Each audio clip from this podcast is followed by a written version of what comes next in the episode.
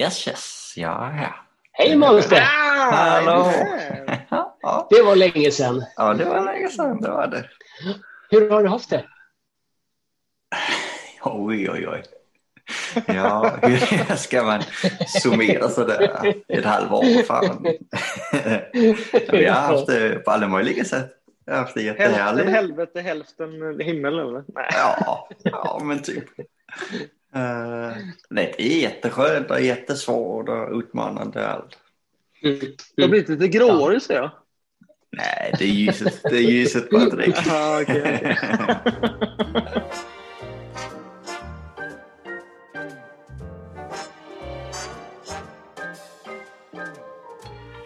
Hej, hej, hej, hallå! Välkomna till podden Ovanliga samtal, vanliga människor med Patrik och Jesper.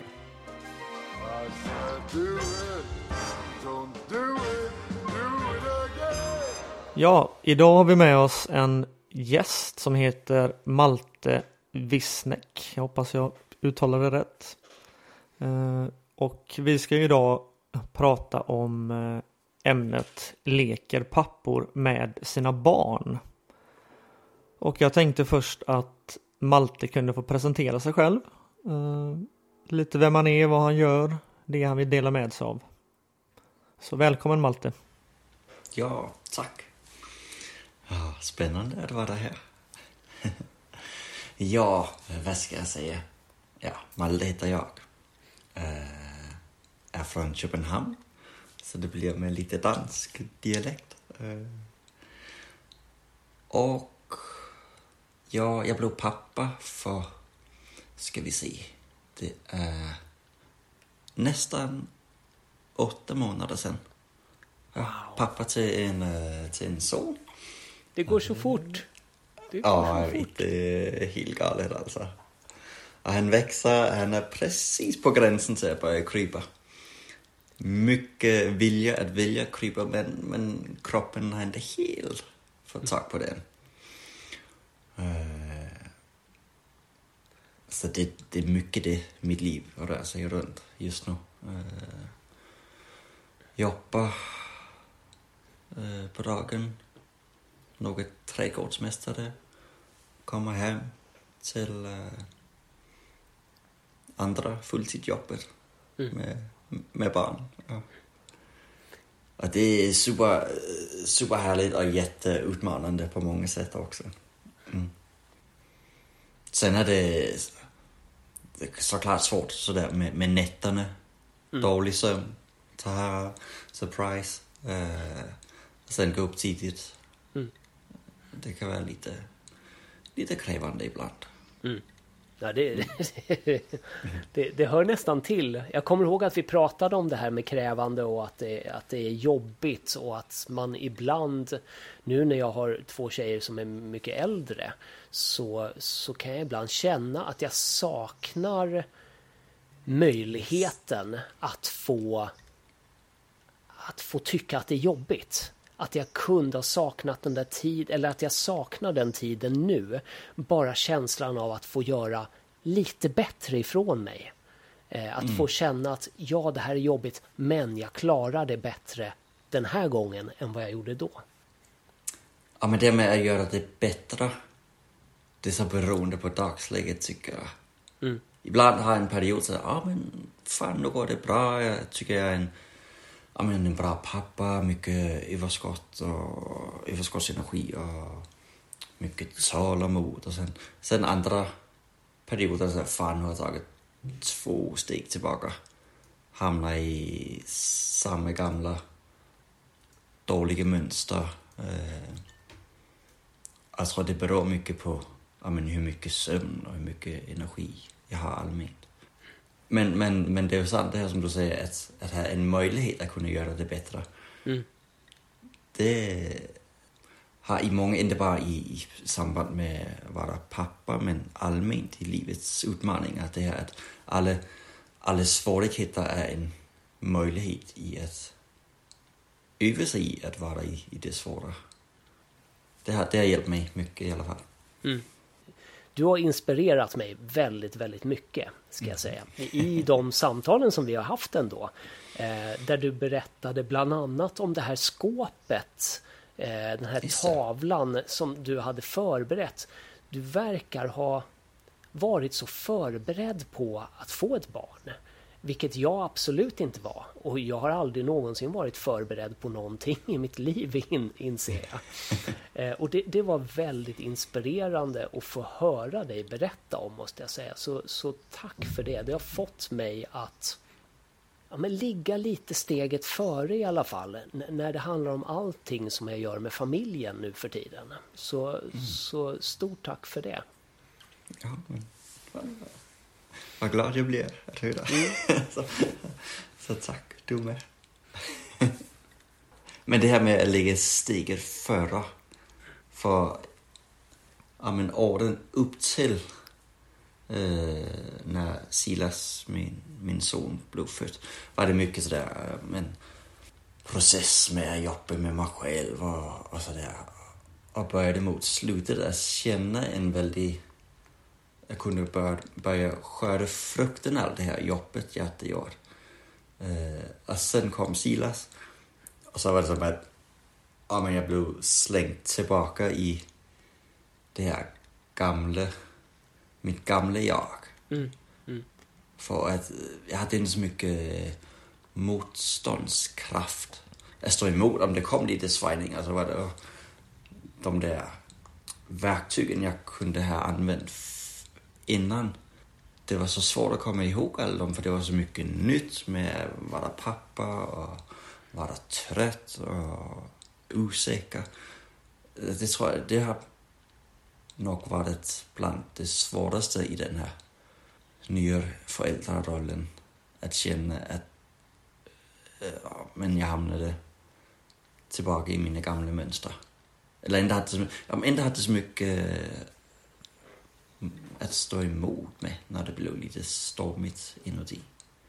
Det, det, finns tanke. väl, det finns väl en anledning till att det används som ett av de eh, förhö, förhörssätten inom eh, Ja, när man ska ta reda på fakta, det är väl att utsätta folk för sömnbrist. Man, eh, Mm. man Och barnskrik. från- Ja, och barnskrik. Ja, det, det, det gör någonting med en. Mm. Den, det tar koll på en ordentligt. Det gör det. Mm.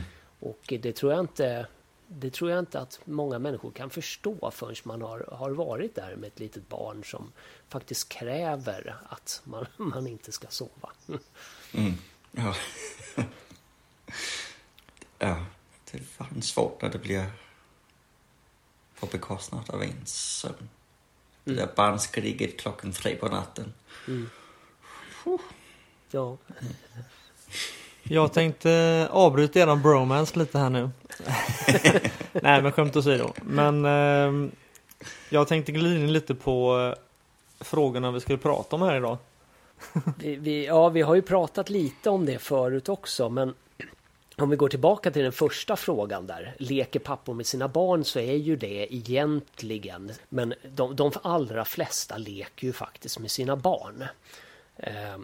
Det, det tror jag verkligen. Jag har dock en, en vän som, som inte gör det. Han är inte en sån pappa som leker med sina barn. Han är en fantastisk pappa på många andra sätt. Men eh, han är inte en, en lekpappa om man säger så. Eh, vilket jag i min tur inte kan riktigt förstå därför att jag har alltid lekt med mina barn om det så handlar om att, och, och att de får förstöra någonting som jag har byggt upp eller om det handlar om att brottas på gräsmattan och så. Men, men Malte, eh, hur känner du där när det kommer till lek? Eft- Eftersom du kommer hem och har lite mer energi också så här. Mm. Är du en lekandes pappa? Ja. Alltså det är ju sådär under graviditeten och sådär med när jag tänkt på att bli pappa. Det är något av det jag sett mest fram emot. Att, att kunna få en liten lekkamrat. Eh, Så det har verkligen varit en, en stor längtan jag har haft till det. För jag, jag, som vi också har pratat om tidigare i våra samtal, det är att jag har saknat mera lek i mitt eget liv. Eh, Så om jag, om jag leker med, jag måste också säga, det kan vara svårt att göra skillnad på mina G och mina K. Så har jag fått höra från flera. Jag menar alltså att le leka, inte att leka. Men man kan, alltså Silas han är åtta månader nu. Och ja, absolut, vi, vi, vi leker massa. Både äh, jag och, och hans mamma och Silas och Silas och jag bara. Och han har så senaste titeln börjat tycka det är roligt med att äh, om han ligger i sängen och jag kan säga gunga sängen lite och han studsar lite och sånt. Och, ja, men så småningom det där börjar med att det kittlas lite i magen när han så lyft berg och dalbana eller vad man kan kalla det. Eh, sådana saker. Mm, jag tycker jättemycket om att greppa i saker. Och just precis de här dagarna håller han på att upptäcka det att ta tag i något, sitta i sin barnstol, ta tag i något, släppa det och det ramlar på golvet. Plocka upp det, släppa det, ramlar på golvet. Man kan säga, den lek vi har just nu, eller hittills, eh, den är ju inte, den är inte på något sätt stimulerande för mig. Så det som är, det jag tycker om med den här leken, det är ju hans reaktion. Han skrattar och jag säger att han tycker om det. Det är ju det som är, är roligt för mig. Men leken i sig ger mig ju inget. Och det kommer säkert, ja men, dröja några år. Och ja, men det längtar jag jättemycket till. Att kunna, ja men till exempel brottas eller göra en skattjakt eller spela boll eller ja men vilket som. Eh, Där det är mer stimulerande för mig också. Jag fick en tanke där. Hade du eh, någon idé om att du kanske skulle redan ganska tidigt kunna leka stimulerande lekar?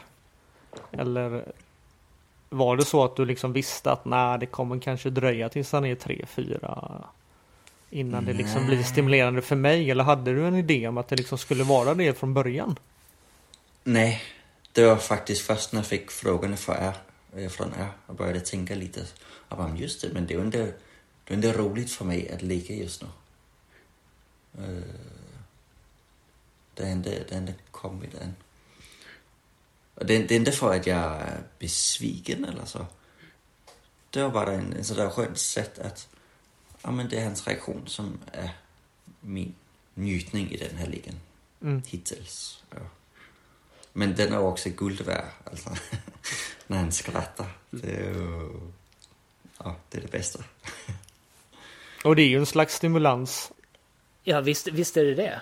Det är det absolut. Men, men också att det, det blir ett utbyte i alla fall av reaktioner och, och ett samförstånd tror jag ändå. Där man börjar förstå att oj, om jag gör någonting plötsligt, då reagerar pappa. Det är nog ett lärande och ett, ett sätt att, att lära känna varandra redan där. Mm.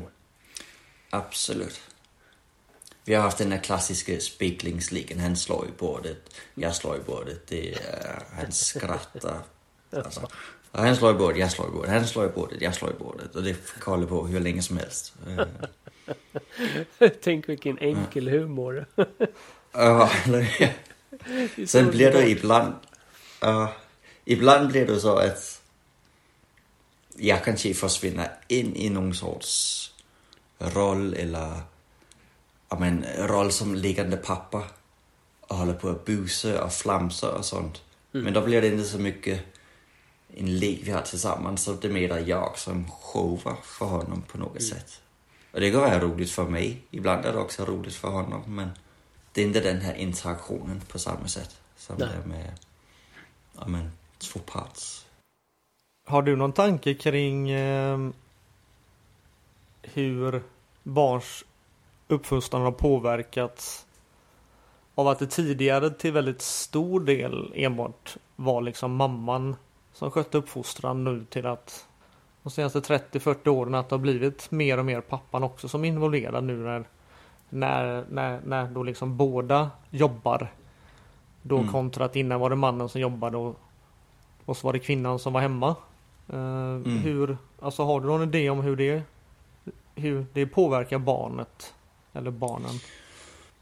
Ja, men det litar väl lite på den här frågan om, om mamma och pappan leker på olika sätt med, med barnet. Och det tror jag... Nu är det svårt för mig att prata eh, vad heter det, generellt. Ja, Ja. generellt. Äh, generellt.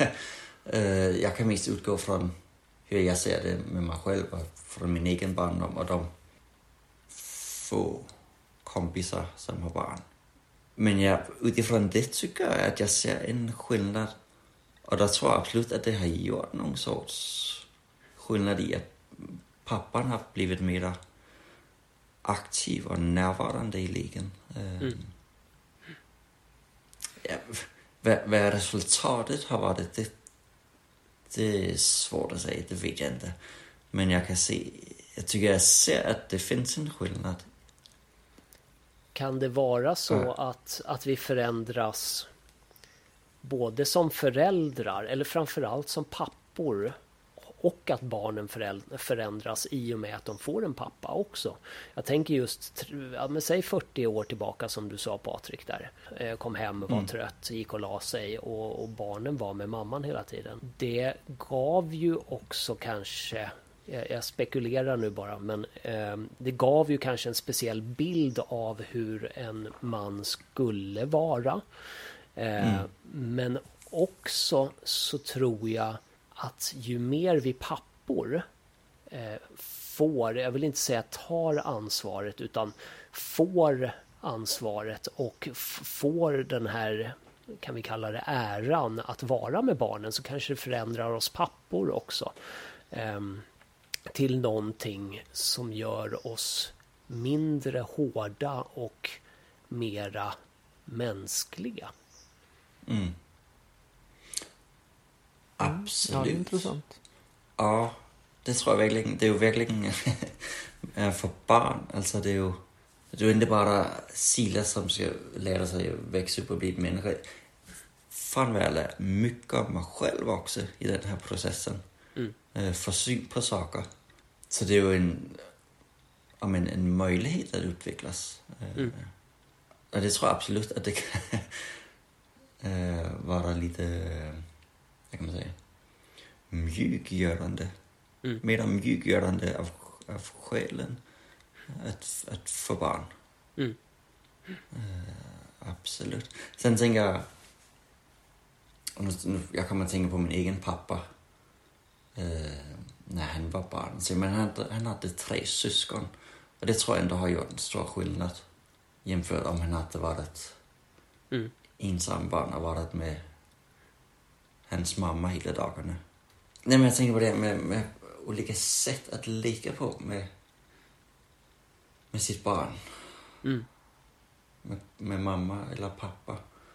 Det känns som att det är mera eh, fysisk lek skulle jag säga. Mm. Pappa, Mm. Pappan är mera fysisk lek med barnet.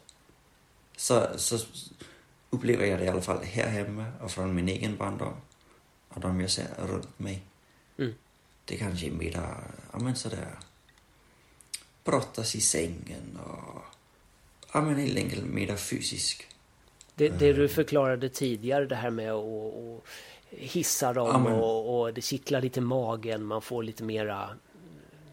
Men, man leker lite mera med, med adrenalin och försöka få fram det där det här lite busiga skrattet kanske. Ja, istället för att det, det är det som är så svårt. Sen har jag försökt tänka, men hur är det mamman ligger med barnet? Och sen har jag kommit ändå på hur jag skulle beskriva det. Om det är mera någon sorts stimulering av sinnen eller... Mm. Men jag kommer att tänka för jag har, jag har de här gamla inspelningarna från när jag är barn, kassettband. Och jag hör att jag är med min mamma och min pappa, i, vi är i stora dubbelsängen. Mm. Och jag hör att jag busas och brottas med min pappa. Och det känns som att min mamma håller sig lite mer i bakgrunden. Mm. Och jag undrar hur det hade sett ut om min pappa inte hade varit där.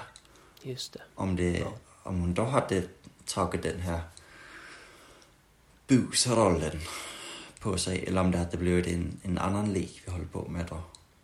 Ja, det, det är en spann, spännande tanke och, och, och då kommer man ju just in på det här med och nu har, vet vi ju inte hur det ligger till med det, men just eh, samkönade förhållanden och, och när de får ett barn. Vad händer? Tar man olika roller eller blir det bara ena sidan?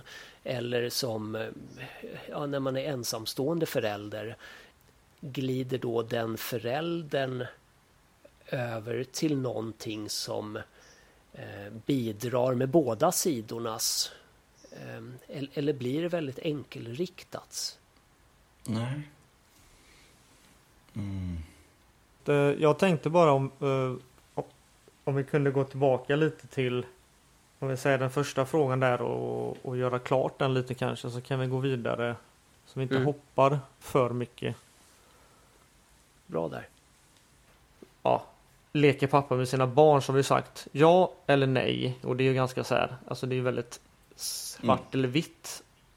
Jag tänker mer så här att jag tror som Jesper sa att det är och det är en större andel idag tror jag för pappor är hemma mer men alltså den stora delen av papporna leker med sina barn men de kanske gör det jag kanske leker mer än någon annan och det kanske finns någon annan som leker mer än mig men om vi ändå ska hålla det till kanske då, alltså om vi säger de som inte leker alls eller leker ganska lite med sina barn.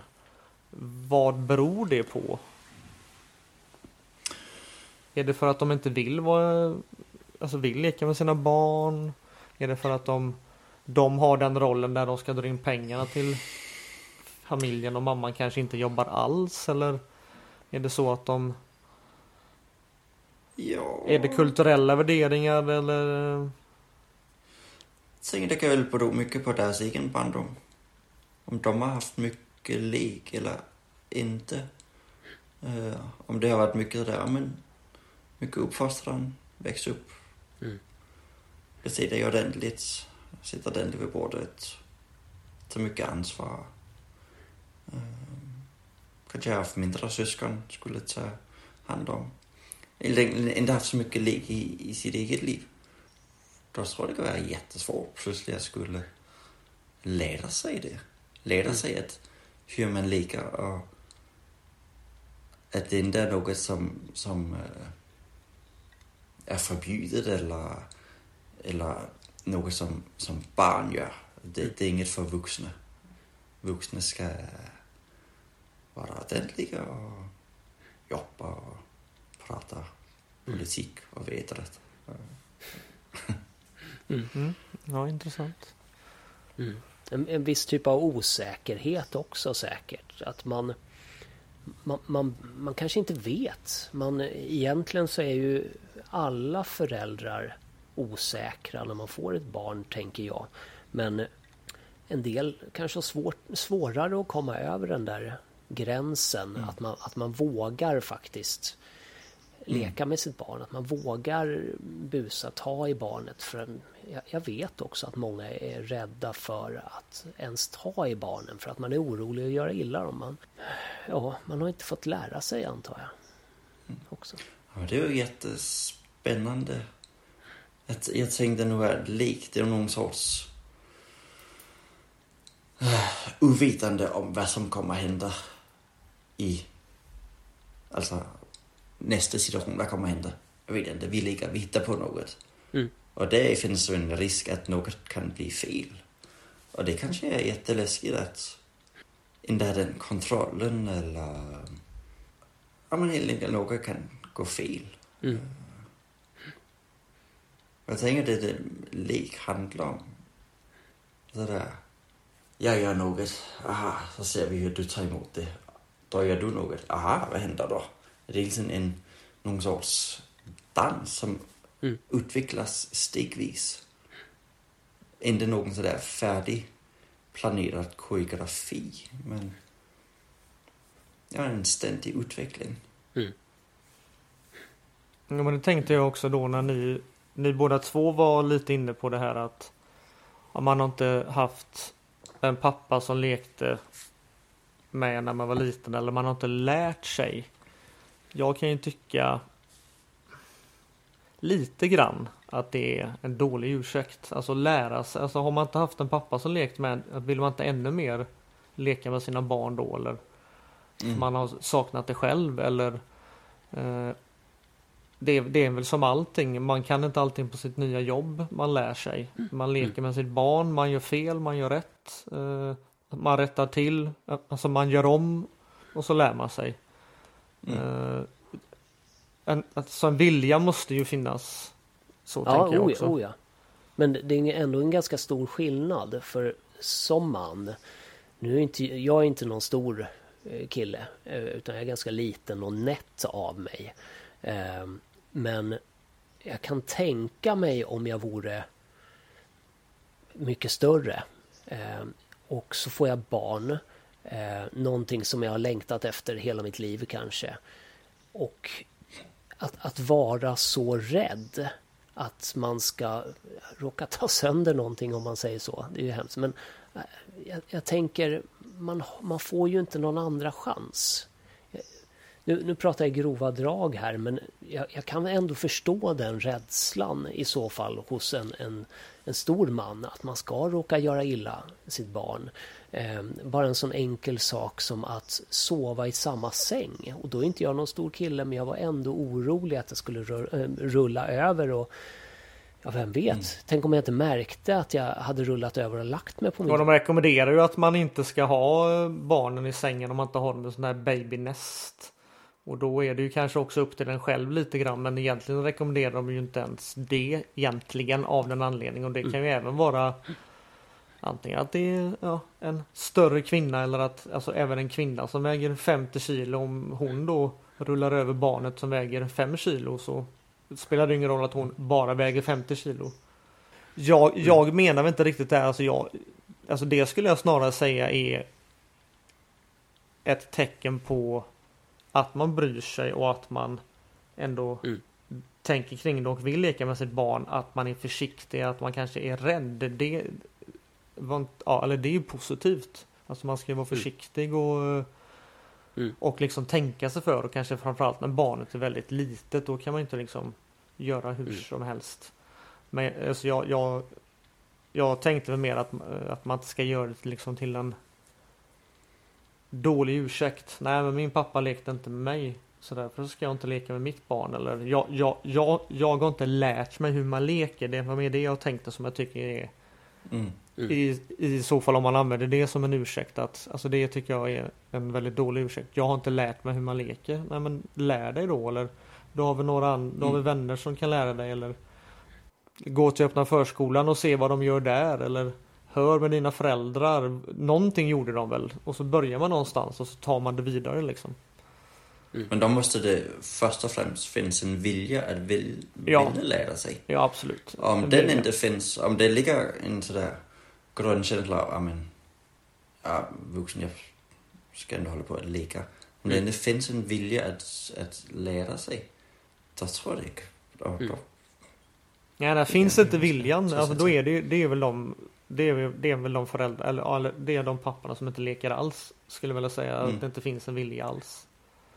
Om vi eh, om vi kollar lite på, vi har varit inne lite på det, men det här med att just män och kvinnor tenderar att kanske inte leka exakt likadant med sina barn.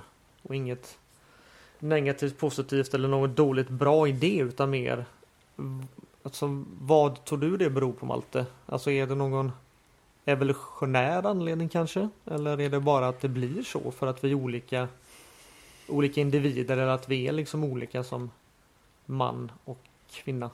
Mm. Jag tänker första, vad kan man säga, eh, steget handlar väl om vilket, vad jag själv tycker är roligt. Vilken sorts lek jag tycker är rolig. Så man, nu har jag, jag personligen tycker det kan vara roligt att brottas. Alltså jag skulle ju lätt kunna brottas med en kompis och tycka fan vad roligt det är. Jag tror inte att min, min sambo, alltså mamman till Silas, skulle tycka det var roligt att brottas med, med hennes kompisar. Så redan där är det ett, ett, en skillnad i våra, inte intressen, men, men vad vi anser för rolig lek. Så, så där är det en... Mm, det är typ första steget. Vad det då beror på att vi har den här skillnaden i intresse. Ja, men det kanske handlar om något helt biologiskt. Eh, tillbaka från tiden på eh, savannen. Vi ska ut och jaga djur, vi ska använda kroppen, vi ska brotta ner det där jävla vildsvinet så vi kan få något att äta i natt. Eh, och kvinnan kanske inte han skulle göra det. Men att, mm, jag vet inte, vara med barnet eller... Jag har det mer omhändertagande alltså delen skulle kvinnan ha då och så lite mer. Ja, Att den fysiska delen skulle mannen ha. Ja. ja. Och kanske de äldre männen också. När du, när du ändå började stanna hemma. Så vad, din fråga Patrik var uh, ursprunget till den här Mm. skillnaden i lek, Ja, eller? ja. Ja. Är det en evolutionär anledning eller, eller är det mera en, någonting vi, vi lär oss? Ja, det är väl en, ett, ett fint mix, Mm. tror jag. Mm. Sen uh, känns det ju för varje generation vi går tillbaka, ju mer stereotypt har det varit. Eh, Så det känns som att det kanske är de här lekrollerna, Mm. papparollen och mammarollen kanske börjar lösas upp lite grann för varje generation vi kommer framåt. Mm. Men att det väl finns ett, eh, någon sorts skillnad Mm. grundad i ja, men, biologin eller evolutionen som du sa Patrik. Mm. Vill finnas kvar. Det var Patrik som rekommenderade en, en serie som går på, ja, vad är det för några som håller i den? UR Play. Eh, ja, just det, UR Play. Eh, och det var väl amerikanskt, tror jag. Eh, där de eh, testade barn. Alltså var det Storbritannien? Okej, ja. Och där, där såg man ju ganska tydligt att just de här könsrollerna håller på att upplö, upplösas mer och mer. Åtminstone när det kommer till hur barnen ser på föräldrarna. Och där ser man att det blir mer och mer att de man gör inte en skillnad i eh, olika arbetsuppgifter inom familjen. Och det, det var väldigt intressant att se, måste jag säga. Själv så anser jag ju det vara väldigt positivt. Att, eh, Mm. För det, måste, det borde bli en mer hel människa när man kan bidra med, eh, med känslor och lärdomar och, eh, och bus och lek från, från så många parter som möjligt. Absolut. Och då kan det ju innebära att det kommer från, från mormor och morfar och farmor och farfar och, och, och så vidare. Ehm, också såklart. Ja, jag fick en Mm. liten spontan tanke nu när du sa det. Jag, jag tycker också det är en positiv utveckling mycket det här att alltså, om vi tar ett exempel på en av de, en av de testerna de gjorde där. Eh, först visade de en dammsugare och sen satte de fram en manlig och en kvinnlig docka och så skulle barnet då liksom säga vem de associerar dammsugaren med. Och då var det eh, mer jämnt än vad det varit tidigare att en del tog en del tog pappan enbart, en del tog mamman och pappan och en del tog kanske bara mamman. Eh, men, om, men men att det var en eh, mer fördelat nu än, än vad det var när de gjort det här testet då tidigare. Jag tänker att det kanske kan vara ja, med andra saker kanske det kan vara. Alltså det finns ju vissa vissa kulturer, vissa människor som vill ha alltså ganska stereotypa eller eh, specifika könsskillnader. Att det, här, det här är manligt, det här ska mannen göra, det här, det här är kvinnligt, det här ska kvinnan göra. Och vill man ha det så så tror jag kanske att det är eh, svårare idag kanske. Eller att man, att man kanske tycker utvecklingen går lite långt. Eh, och sen tänker jag även kanske, jag vet inte om det stämmer men jag kan väl känna och det har väl att göra med att om vi går många år tillbaka, 100, alltså 80, 80-100 år och allt, allt innan det liksom så var det ju om vi säger enbart enbart då kanske kvinnan som var hemma. Eh, och då eh, hade hon ju den rollen. Och så har det blivit mer och mer det här att man ska eh, eller att mannen ska vara in, involverad. Men jag tänker att någonstans så blir det kanske att det är bara eller det är bara mannen som ska bli mer som kvinnan. Och om, om, om, om, om vi ska gå åt det hållet, då kanske för mycket av de manliga e-, egenskaperna försvinner. Eller de som mm. så kallade manliga e-, egenskaperna. Då behöver ju även kvinnan gå lite åt andra hållet också. Och kanske ta över mm. eller även göra vissa av de manliga sakerna som män har gjort innan. Om vi tar som, som ett sånt där larvigt exempel om jag ska städa hemma, ja men då får ju kvinnan leka mer hårdhänt med barnen.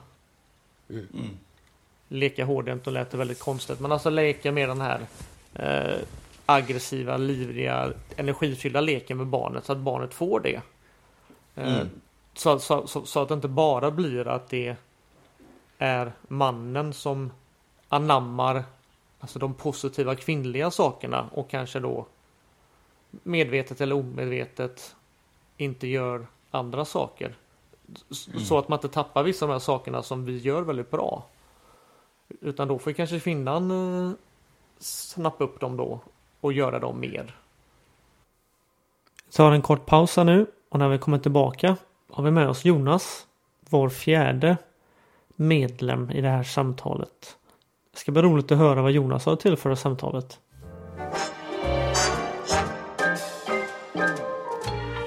Välkommen Jonas! Ja, men ska vi ställa samma fråga till dig kanske? Har du varit, eller för, först och främst, vem är Jonas?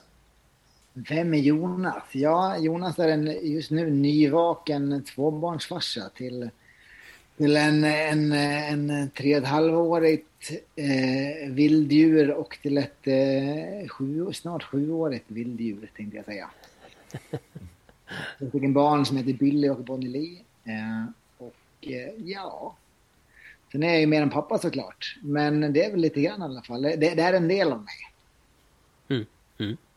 Och, och, är du, eh, vi kommer fram till att titeln på det här, huruvida pappor leker med sina barn, den, den är ju i stor grad eh, oftast sann. Eh, nu för tiden i alla fall. Eh, men hur, hur ser du på det? Är du en sån pappa som, som leker med barn eller eh, fyller du en annan funktion? Jag skulle säga att jag leker väldigt mycket med mina barn. Eh, för att mm. jag mm. träffar mina barn väldigt mycket också. Ah, dels jobbar jag hemifrån. Eh, Billy går förskola 15 timmar i veckan. Sen är han hemma resten av tiden och Bonnie går inte på fritids. Så, så att vi träffas ju väldigt, väldigt ofta, väldigt, väldigt mycket. Och det mm. blir väldigt mycket leka. Mm. Eh, och, eh, och, jag har inte så mycket att jämföra med heller. Eh, för jag vet ju faktiskt inte hur mycket andra pappor leker med sina barn. Nej. Men jag vet att min farfar lekte med min pappa en gång per år. Då spelade de fotboll och det var min pappas bästa dag hela året. Mm. Mm. Och min pappa, han lekte med mig på helgerna, för han jobbade hela veckorna. Så då var det ingen lek i veckorna.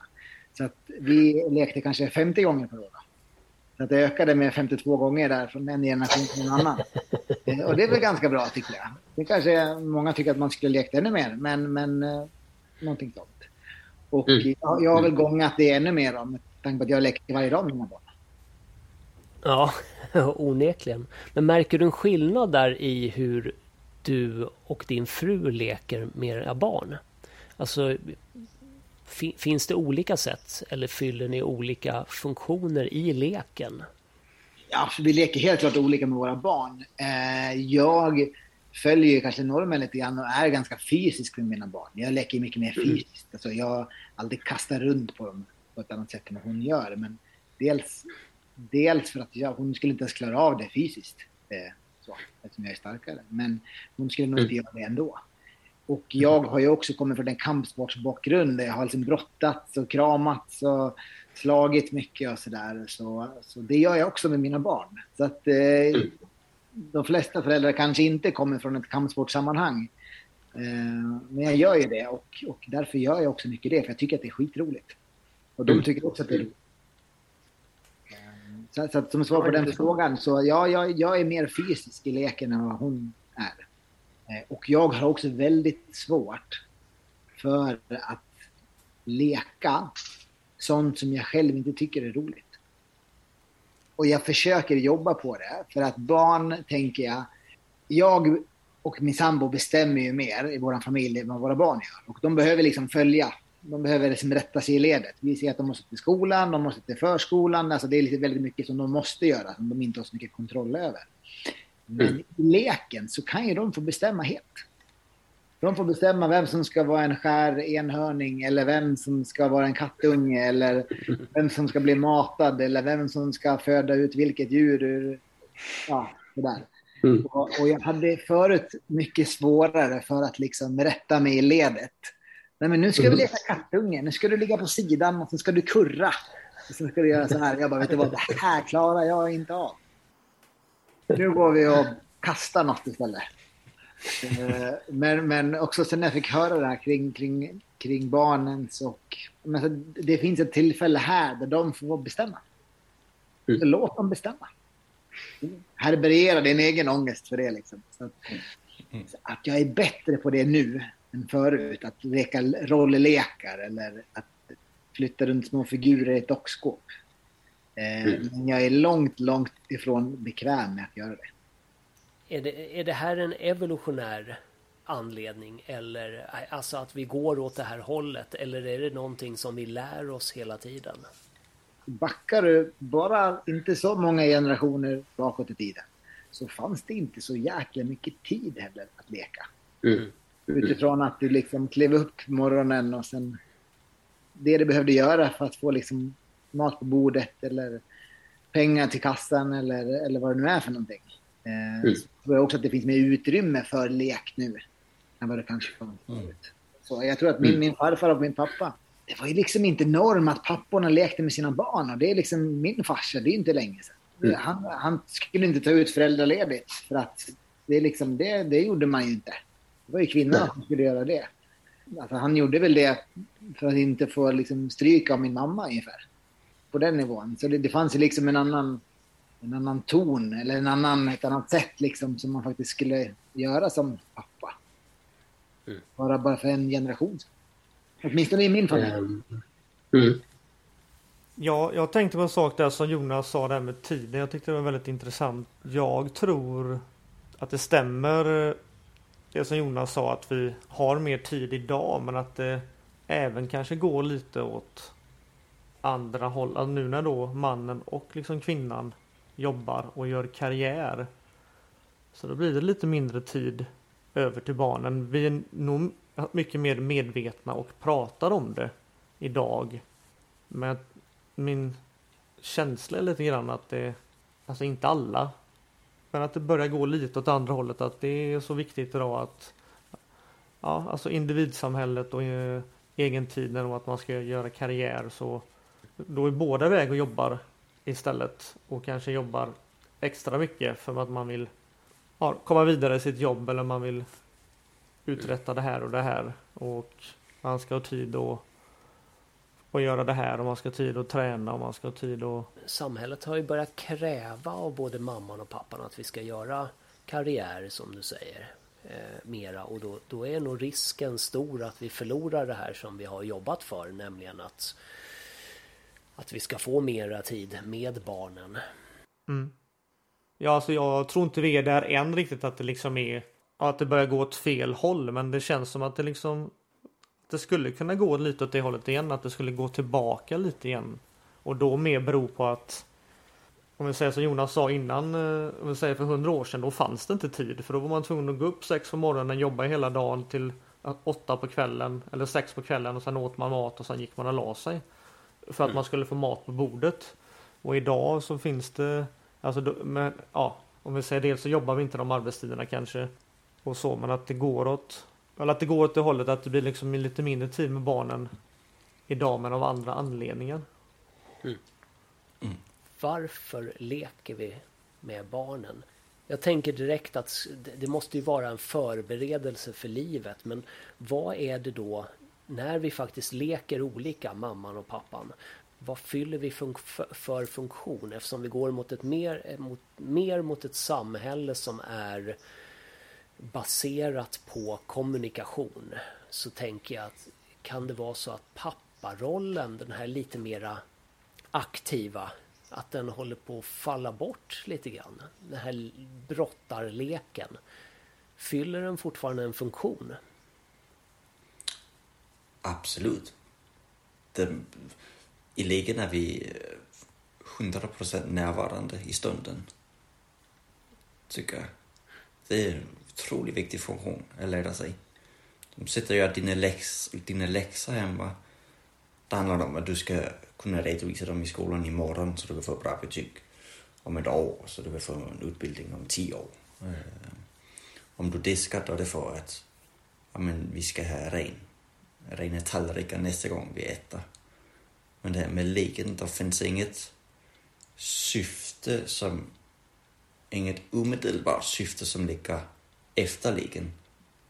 Leken är, är syftet i sig. Mm. Eh, som jag... Nu kommer jag på andra exempel där, där, där en aktivitet är syftet i sig. Det är inte, någon, det är inte något... Eh, vad heter det? Det är inte resultatet efteråt som är syftet utan det vi håller på med nu håller vi på med för att vara i det. Ja, det var det som dök upp i mig. Mm. Alltså, jag tycker absolut det finns eh, stort värdegrund i att, i att ligga. Det räcker ju att gå tillbaka. Jag, jag, precis som Jonas, har ju en bakgrund inom kampsporten och där är det ju mycket respekten mot varandra. Att nu ska vi ta i, eh, men vi försöker undvika att göra illa varandra mer än nödvändigt i alla fall. När, när någon säger stopp så är det stopp. Och, och den delen är ju väldigt viktig också. Det här samspelet mellan människor. Ja, interaktion.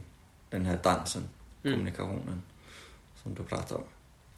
Jag har ju också min, min fyraåring här, han, han är inne i ett, ett skov här nu där det är jättekul att sparkas och slåss. Och hans stora syster är också med på det här spåret. Och jag sa hela tiden nej, nej, nej, nej, nej, nej, nej, nej. Eh, men till slut så kände jag bara, men vet ni vad? Ni får sparkas hur mycket ni vill. Det kommer göra jätteont. Ni kommer säkert bli ledsna. Och då kommer det kanske sluta. Och sen så har jag lite regler för hur man får sparka och inte sparka. Och sen bara släppte jag det lite fritt. Jag, ja, alltså jag vet inte om det var så bra idé. Jag och min sambo var inte helt överens om den här taktiken kan jag säga.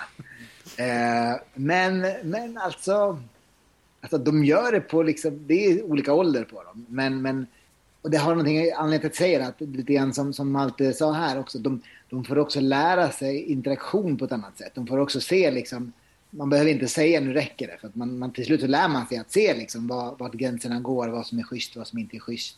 Hur, hur, mm. hur tar jag här emot? Vart går mina gränser? Hur håller jag mina gränser? Det finns massa delar i det där också.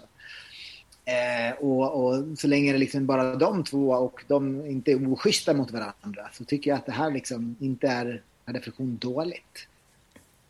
Jag får nog ändå säga att jag tycker att det lät eh, övervägande positivt. Sen är ju givetvis det är ju alltså en balansgång. Men då behöver jag nog fråga också. Du Jonas som har två barn, en tjej och en kille. Har du tänkt på om du gör någon skillnad mellan dem i hur du leker? Ja, alltså, alltså jag, jag ju, skulle säga att jag är väldigt medveten. Eh, kanske inte i stunden, men, men jag reflekterar väldigt mycket kring det här. Och, mm. och, en sak som jag tänkte mycket på i början var ju att eh, min dotter, den som är äldst, så, och, och, då, då var jag också väldigt fysisk i början med henne och, och eh, allt från liksom kläder till sånt så vill inte vi liksom stereotypiskt köna in henne i det här rosa glittriga. Liksom. Utan vi, vi klädde henne som, som ett barn. Hon hade barnkläder. Mm. Eh, och, eh, men jag tänkte också, liksom, det handlar mycket om hur vi lekte och jag tror jag också typ, i mitt huvud behandlade henne eh, absolut som ett barn, för att hon var mitt barn. Men det fanns ju också aspekten att, att alltså, hon är en flicka och på något sätt så, så vill jag också göra mer man ska säga, manligt kodade saker med henne. Bara för att hon kommer få vara så mycket i det flickigt kodade ändå. Det kommer när hon blir äldre. Mm. Men, men, men sen slog det mig som om det manligt kodade skulle vara bättre. För det var ju det liksom, det var det jag gjorde då. Mm. Mm. Eh, och, eh, och då liksom backade jag lite grann på det också, i det tänket, så att säga. Mm. Från vad jag tänkte liksom att jag ville ge henne. Eh, om jag, förstår du hur jag menar? Mm. Absolut. Jag liksom på något sätt försökte in, in, inte liksom styra in i henne i det flickiga utan mer åt det, det, det, som, det som klassas som pojkigt. Att hon skulle få vara ett barn hon får ha tillgång till liksom hela skalan av vad man kan göra. Liksom. Eh, men då mm. blev det liksom som att mer åt det, det saker som, som klassas som eh, manligt eller pojkigt. Och då var det som, varför gör jag det för? Som om det skulle vara bättre än det som är liksom mm. kodat som, som kvinnligt eller flickigt. Liksom. Men, men, men till syvende och sist så, så liksom lekandet som jag gör med mina barn är ju mm. saker som jag själv tycker är roliga. Eh, alltså det finns liksom inte så mycket, som, som Malte sa också, att är, är, är, har det ett syfte, då, förutom lek, då är det inte lek, då är det något annat. Då är det en pedagogisk metod för någonting. Men för lek i sig ska bara vara lek. Och det är liksom, då är det roligt. Så, så jag, jag gör det med mina barn, det jag tycker är roligt. Eller det jag ser dem glädjas av. För att liksom, mm. alltså barnskratt. Alltså det, det är ju någonting magiskt med barnskratt. För, för mig är det liksom att, att mungipen, när jag hör barnen leka när jag inte ens är med, alltså jag hörde det idag senast, så är det liksom som att mina mungipor åker upp till öronen och det finns någonting så extremt förlösande i det. Ja, jag vet inte. Det finns någon slags kraftfullhet i det här lekfulla. Det kommer liksom från ett ställe som är helt oförstört. Jag kan bara hålla med. Jag har stora minnen från när jag ligger på golvet och bygger med klossar med min första dotter där. Och eh, hon kan ju knappt sitta upp, men, men precis sådär. Och när jag har byggt några klossar så kommer hennes hand fram och förstör det där så det åker ner i marken. Och min reaktion är ju då och det räcker för att hon ska mm. nästan trilla omkull av skratt. Um, och, och sen göra det där om och om och om igen. Och det är lika roligt varje gång. Det är, det, det är märkligt att det kan ge så enormt mycket eh, med en så liten grej egentligen. Mm. Ja, jag, jag fick en liten känsla här nu. Jag, alltså, jag tycker jag um, leker mycket med min dotter. Men så har jag så här kanske vissa saker jag vill lära henne eller saker uh, jag, ja men alltså saker jag vill att hon ska lära sig. Så att ibland kan jag kanske bli lite för Alltså lite för pedagogisk i leken och då är det kanske så som Jonas sa. Att jag håller med om det att då är det kanske inte lek längre. Just det. Eller det en pedagogisk liksom lek då men inte en lek-lek.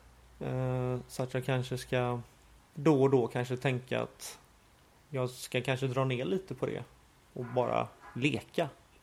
Alltså jag mm. gör det absolut men att jag kan känna ibland för jag har så mycket så här. Ja, jag vill att hon ska lära sig det här och det här och så kanske man smyger in det liksom i, i liksom leken och det märker inte barnet det så är det ju fortfarande en lek, lek, alltså över henne liksom men att Ja men alltså det får inte ta överhand så. Det får en annan drivkraft. För, där har du också någonting det som Malte pratar om, om närvaro tänker jag. För, för det känner jag igen mig också. Jag använder också ja, men, så lek som, som pedagogiskt för att liksom, jag vill lära mina barn saker. Liksom. Eh, och, och, det funkar ju också jättebra. Men det, då är det inte lek från min sida utan då är det liksom ja, men idag gjorde vi en lek att hon ville lära sig rövarspråket.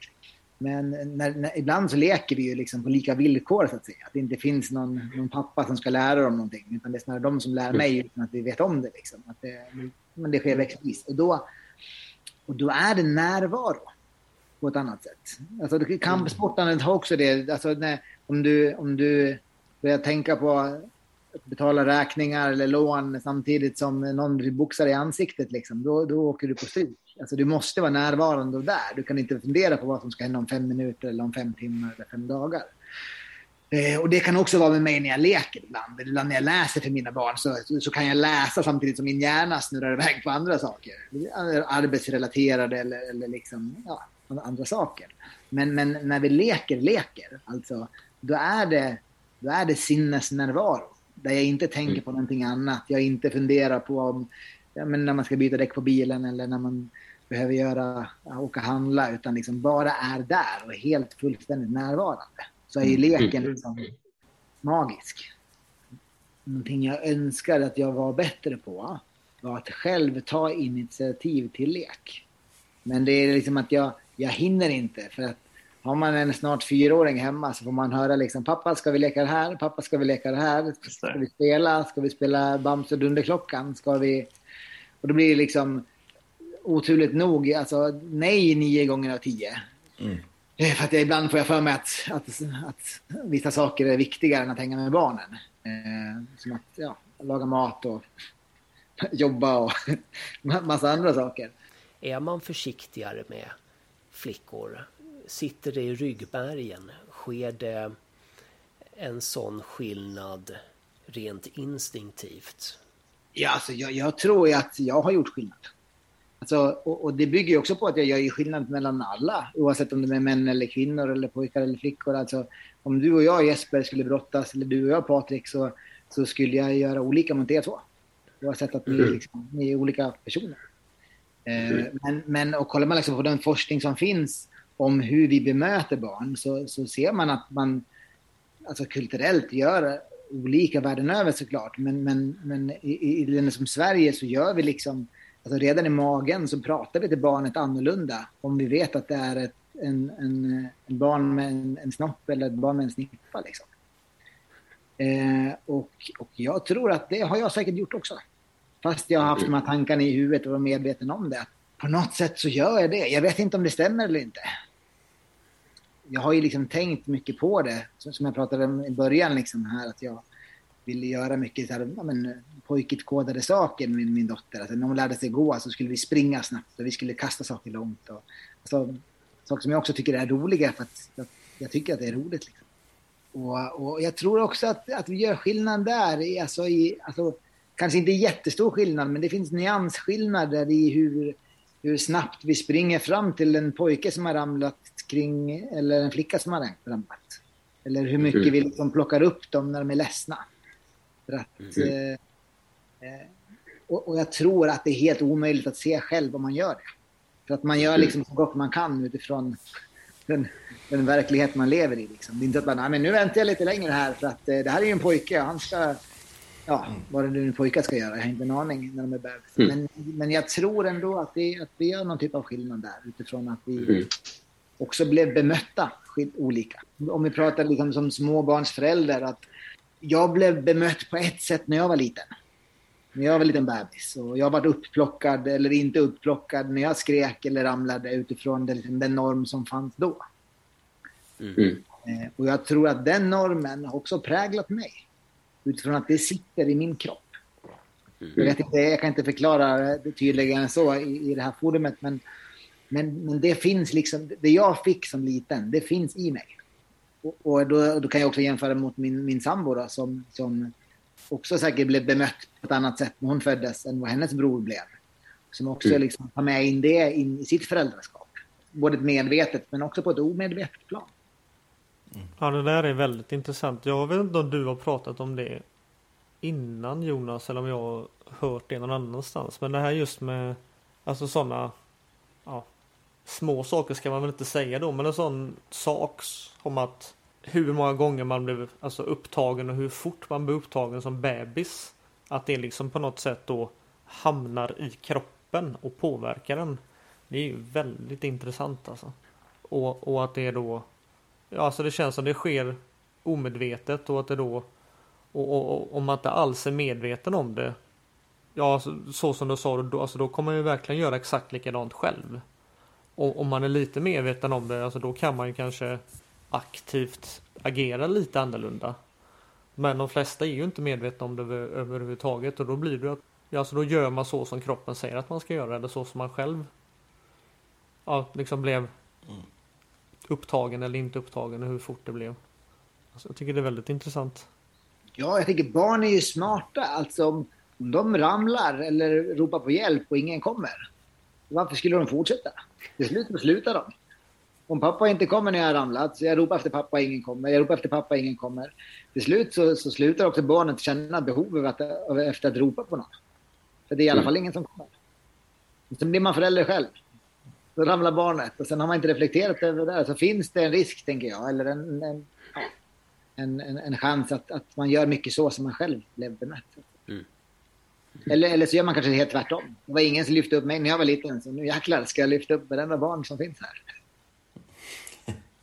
Ja, ja, det är så det kan bli om, om man är väldigt medveten om det. Då kan det kanske nästan bli fel eller alltså för mycket åt andra hållet om man nu ska använda de orden. Jag vet inte om det är rätt ord men ja, nej, jag tycker det är väldigt intressant. Är det positivt eller negativt?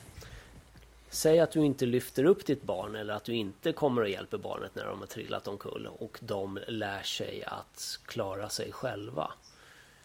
Förlorar vi som föräldrar någonting på det? Ja, alltså det, jag tänker också att det, det blir ju lite lugnare. Det finns ju en fördel för, som, för oss som föräldrar, liksom, att, att inte behöva vara närvarande jämt. Men, men, men förlusten blir ju liksom för barnet som inte kanske lär sig att uttrycka vad det behöver. Ja, och det, nu har vi pratat liksom ganska mycket om det där med män och kvinnor eller pojkar och flickor, om det finns skillnad och sådär också. Men, men, men jag har också en fantasi att, att jag kan bara mest prata för mig själv. Jag är bättre på det nu än förut. Men, men, men generellt sett så tror jag att, att, att när vi män behöver tröst så är vi ganska dåliga på att uttrycka det. Sen om det var för att ingen plockade upp oss när vi ramlade, det har jag inte en aning om när vi var tre år gamla. Men, men, men jag är bättre på det nu än vad jag varit förut. Mm.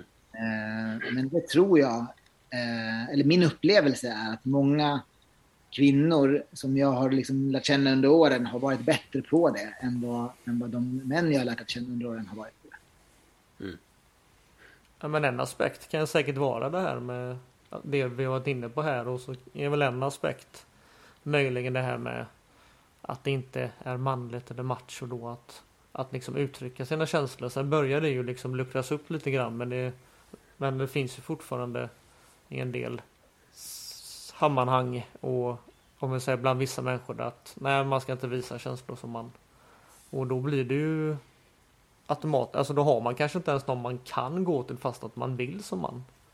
Mm. Och det är, alltså det är också väldigt tråkigt men eh, förhoppningsvis, det, det är väl en sån sak som jag kan känna är möjligt i så fall en negativ sak det här med om man nu då gör skillnad på en pojke och en flicka som liten, att man är lite mer försiktig med en tjej. Man hjälper den lite mer, man låter killen Nej, det, han kan resa sig upp, det är lugnt. Han, han liksom fixar det. Och att mm. man låter en tjej kanske gråta mer. Att man när pojken gråter. Nej nu får du Nu får du skärpa till dig, nu får du tuffa till dig. Alltså jag kan säga så själv till min dotter för hon eh, är, är, inte jätteledsen av sig men hon är lite rädd när det gäller vissa saker. Så jag, jag kan säga sådana saker till henne ibland att jag vill att hon ska tuffa till sig liksom lite. Men sen får man ju tänka hur, hur mycket man säger det också med att de sakerna kan ju eller jag tänker att de sakerna bygger det som kommer sen. Att om det är okej okay för en tjej att gråta och visa känslor och prata om känslor som liten, men det är inte det för pojkar. Det är väl helt givet att det i väldigt stor utsträckning blir onaturligt för en man när han blir vuxen att prata om det och visa sina mm. känslor. Alltså det är ju Alltså det är helt logiskt tycker jag. Så att det gäller ju att man liksom att man låter både pojkar och flickor liksom visa sina känslor och liksom gråta och även att man säger till en tjej så här ibland kanske att Nej men nu får du tuffa till det lite liksom. Att, att man kan inte gråta för allting eller man Det här kan du nog lösa själv eller Så att det, det är väl positivt att man är medveten om det. Sen är det ju inte lätt som allt annat med föräldraskapet. Jag, jag vill bara svara på en sak som du sa där, eller säga en sak. Jag hade också en bild av mig innan jag blev förälder att jag skulle uppfostra mina barn. Men, men jag vet ju också att det är mina barn som i större utsträckning fått uppfostra mig. Eh, och vid ett här tillfälle så sa jag till min dotter någon gång att hon hade gråtit väldigt länge över någonting. Jo, hon fick byta plats i pulkan. Hon fick inte sitta fram i pulkan, hon fick byta plats med sin bror, hon fick sitta bak i pulkan. Hon var jätteledsen för det. Och till slut orkade jag inte lyssna på det här. Hon hade gråtit i kanske tio minuter när vi var ute. Och hon bara, jag bara nu, nu, får du, nu räcker det. Liksom. Nu får du få gråtit klart. Ungefär. Hon bara, men pappa, man måste faktiskt få gråta klart när man är ledsen. Tack. Fortsatte hon gråta då eller, eh, eller var hon färdig? Nej, hon fortsatte en stund till. Okej. Okay. Ja, ja. Det var för mig att andas fyrkant. Hur länge kan man leka med barnen? Hur länge? Ja. ja. Jag hoppas jag kommer att leka med mitt barn tills jag är gammal och grå. Jag vill leka, alltså jag har länge haft någon idyllisk bild om att vi ska göra skattjakt och bygga koja här hemma i vardagsrummet. Så det är riktigt rejäla kojor. Mm. Spela musik ser jag mycket fram emot. Oh, just det. Ser väldigt mycket fram emot att dansa tillsammans. Sätta på musik, skruva på volymen och dansa loss. Hoppa i soffan, dansa runt i lägenheten. Mm. Ja. Det gör vi fortfarande. Det började tidigt. Mm. Stå i köket och dansa med, med en liten, litet knyte i famnen sådär. Och, mm. och, det fortsätter än idag kan jag tala om. Så det, det håller vi mm. tag i tycker jag. Mm. Men det är jättespännande med hur länge man kan leka med sina barn. För jag, jag lekte ändå med min pappa. Det är många år sedan. Det hade varit fint att göra. Jag kan, göra, jag kan leka med min, med min mamma. Mm. Till viss del. Men ja, det var en bra fråga det där. För jag tror det måste ju hela tiden underhållas och, och hållas igång. Det känns som jag har inte lekt med min pappa på, jag vet inte, tio år. Det känns som det, det har gått för lång tid. Skulle jag ta upp det igen. Mm. Men om, om det aldrig hade varit någon paus, då var det bara att fortsätta. Mm. Det ska jag komma ihåg. Nästa 70 åren. ja, det är nog ett klokt råd. Det tar jag till mig också. Fortsätt att leka. Har du någon sån här lek som du ser fram emot? Nej, faktiskt inte. Nej.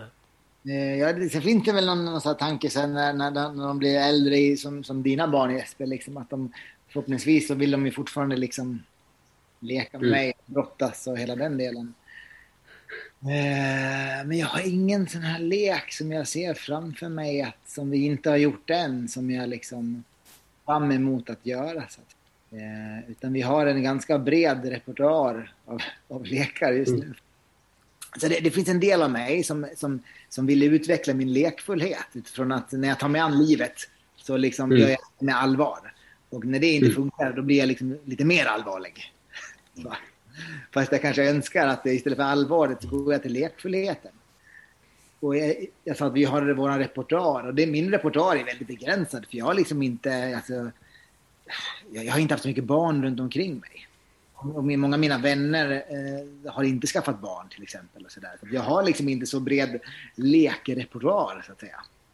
Så egentligen borde kanske vi, vi, vi, vi pappor träffas och dela med oss av våra bästa leketips eller lekrepertoaren för att liksom kunna eh, ja, men ge varandra lite, lite, lite schyssta verktyg. Jag har en, en idé om att göra en, sån där, en lekkokbok med massor med recept på bra lekar. Jag tror att det bör, jag, har, jag har börjat den Lek och äventyrskokboken, heter den i min notesbok. Det är en fantastisk idé. Men fan vad fint att det varit att få ta del av andras, andras lek. Mm. Skulle vi inte kunna börja bara med vi fyra här och den heter ju Japp. Leker, leker pappor. Där kan vi ju eh, skriva i lite lekar som vi gör och så kanske Mm. man får lite Mm. tips och sen så vem vet vi kanske bjuder in andra människor längre fram så kan de ju ta del och, och dela med sig av vad de leker med sina barn. Och, och, och sen träffas vi eh, pappor utan barnen och gör alla de här lekarna. Det var det ni hade som baktanke. Och, och, och man får vara hur obekväm som helst. Det gör inget. Vi, vi överlever det också. Det är nog inga problem för det är om barnen är med som vi blir obekväma. Om vi är själva så kör vi bara. Ja, ja nej, men fu, fuldans är ju en sån där sak. För jag kan absolut inte, jo jag, det är dumt att säga att jag inte kan dansa. Eh, det kan ju alla göra. Men, men huruvida andra ser det som, som fint eller inte.